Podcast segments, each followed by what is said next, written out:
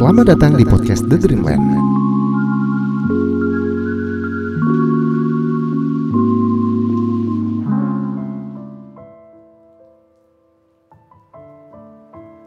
kawan, balik lagi bareng Irfan Adiansyah tentu di podcast The Dreamland. Dan maaf banget Irfan Adiansyah baru muncul sekarang. Karena beberapa waktu yang lalu Irfan juga lagi sibuk-sibuknya. Ah, ngerjain tugas lah biasa ya Siapa sih yang nggak kenal tugas-tugas di waktu kuliah gitu ya? Apalagi waktu pandemi kayak gini nih Banyak banget tugas-tugasnya yang dikerjain gitu.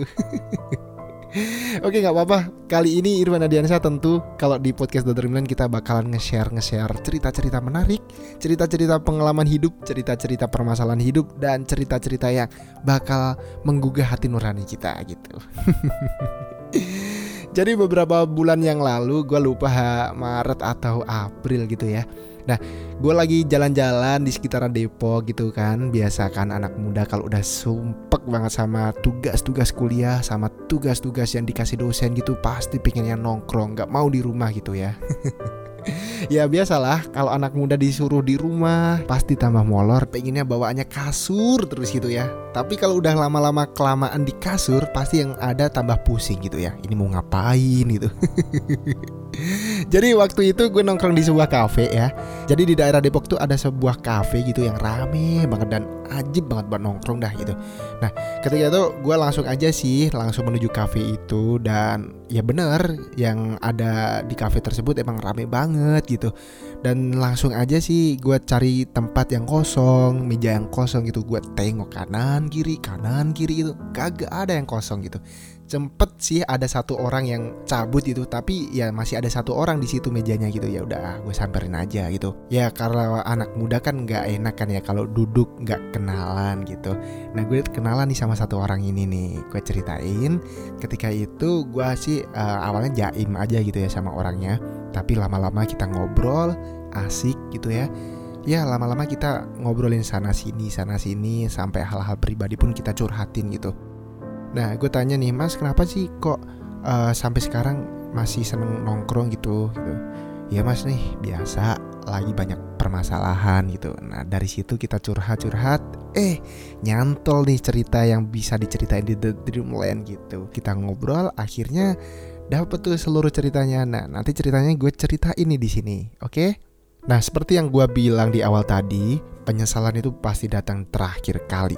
Nah, seperti ini ceritanya.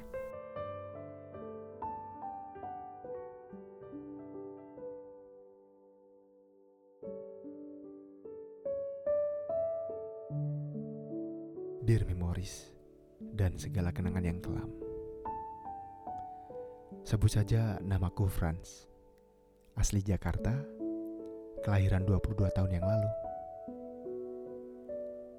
Sejak kecil, aku hidup bersama orang tuaku yang setiap harinya nampak tidak pernah untuk tidak bertengkar. Ayahku bekerja hingga larut sebagai karyawan swasta yang gajinya pas-pasan untuk menghidupi keluargaku. Sedang ibuku di rumah sibuk dengan pekerjaan rumah. Belum lagi kalau adikku yang masih kecil rewel. Sedih. Sedih mendengar orang tuaku selalu berdebat. Hingga yang paling parah, saat berdebat mengeluarkan kata-kata kasar. Aku tidak berani mendengar kawan. Sekeras mungkin, aku mencoba menyumbat telingaku. Entah, entah aku yang terlalu lemah menutup telinga, atau mereka yang sangat kencang beradu emosi kawan.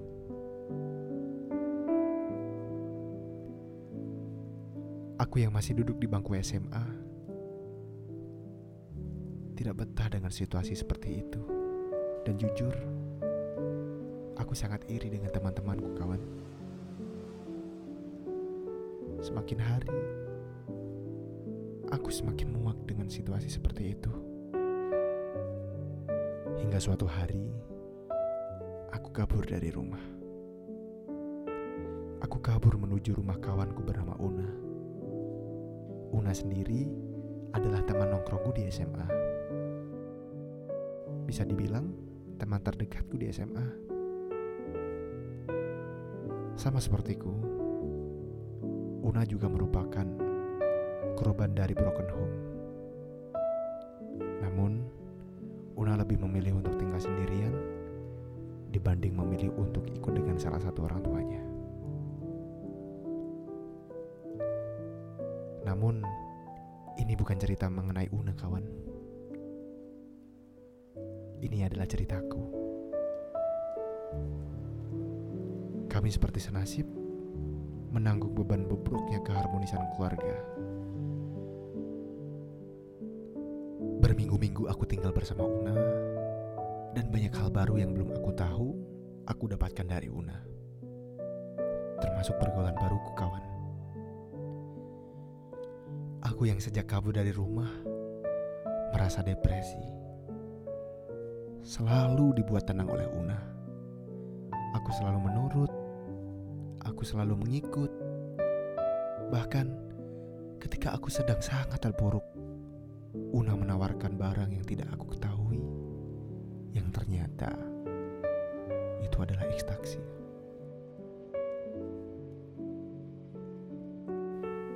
Aku memang merasa tenang dan aku merasa damai. Tapi ternyata hal itu salah. Pikirku, aku bisa lari dari kenyataan. Tapi apa daya, aku justru ketagihan dan kecanduan. Aku memang merasa damai. Namun itu hanya sesaat, kawan. Hal itulah yang membuatku ingin terus-terusan, ingin terus dan terus memakai barang tersebut. Akan tetapi, ketika efek tersebut hilang, badanku menjadi lemas dan sakit. Sakit sekali kawan. Aku meronta-ronta ingin menikmati barang tersebut. Barang haram tersebut kawan. Aku merasa bukan diriku lagi saat itu. Hingga akhirnya aku pingsan dan dibawa ke rumah sakit. Dan aku harus direhab karena kecanduan narkoba. Aku tidak tahu bahwa yang aku konsumsi itu adalah narkoba, kawan. Ternyata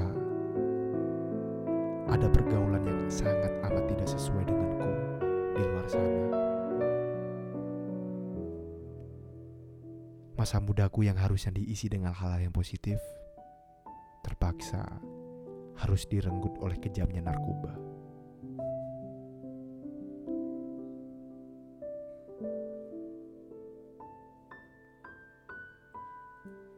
Hilang sudah masa mudaku. Hilang karena kesalahanku tersebut.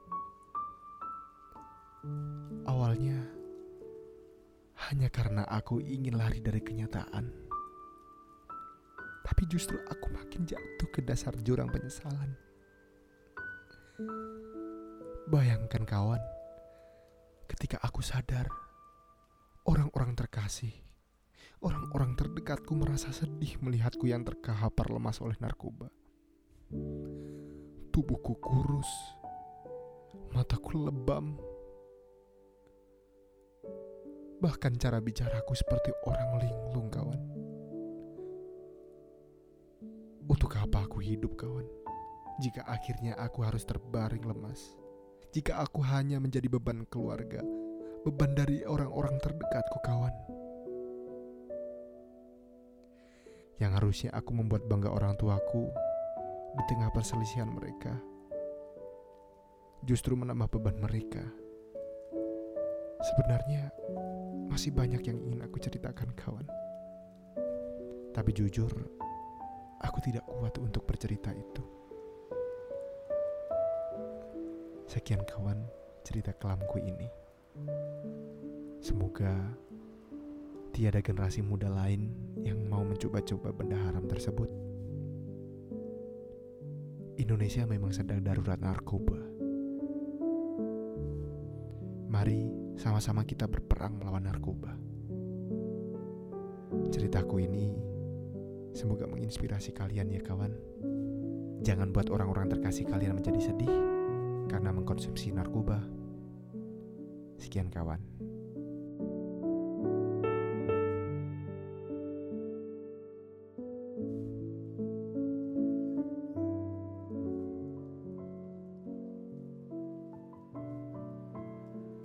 Ya itu tadi kawan cerita sedikit dari temanku yang namanya Franz ya sebut aja namanya Franz gitu. Nah jadi buat kalian yang belum terlanjur atau belum terjebak dalam lingkaran setan gitu ya Ya sebaiknya jangan. Karena Indonesia ini sekarang ini lagi darurat narkoba gitu. Kita posisinya sedang melawan narkoba Sedang melawan benda-benda yang harusnya tidak dikonsumsi oleh orang-orang yang seharusnya tidak mengkonsumsi itu.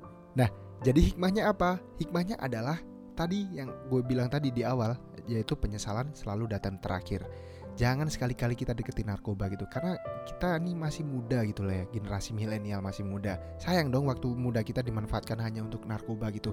Kan ketika kita dalam kondisi terpuruk kondisi yang down banget gitu ya ketika ada permasalahan di keluarga keluarga yang broken home gitu ya kan kita masih bisa membanggakan mereka dengan cara berprestasi itu. Mah pah nih lihat aku lagi berprestasi nih. Aku juara olimpiade. Aku juara olahraga. Aku juara ini itu ini itu. Pasti orang tua tuh bangga. Dan bahkan lebih bangga lagi ketika juara kita itu bisa mendamaikan orang tua kita gitu loh ya. Karena lebih banyak hal-hal positif yang bisa dilakukan tanpa narkoba ya yang jauh lebih bisa membanggakan orang tua gitu. Bayangkan ketika kita pakai narkoba gitu ya. Orang-orang terkasih di antara kita pasti kecewa berat. Pasti sangat kecewa apalagi orang tua kita pasti akan sedih pasti akan ya pokoknya nggak terbayangkan lah ya.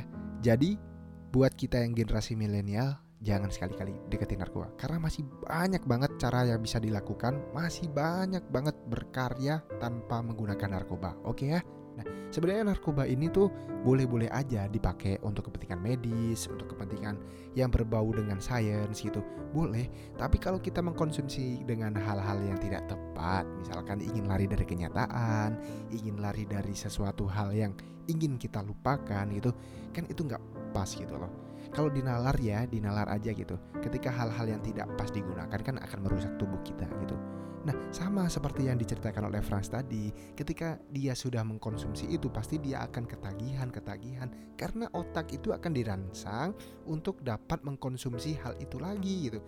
Nah, ketika mereka udah dapat kenyamanan tersebut, otak nih pasti bilang kayak gini nih, "Eh, masukin lagi dong. Enak banget tahu tadi rasa nyamannya tuh luar biasa.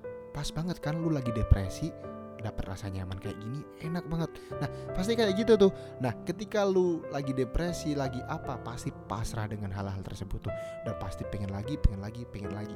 Nah itu yang harus kita cegah. Caranya gimana? Caranya jangan mau bergaul dengan orang-orang yang salah. Apabila ditawarkan barang-barang yang tidak kita kenal janganlah kita konsumsi.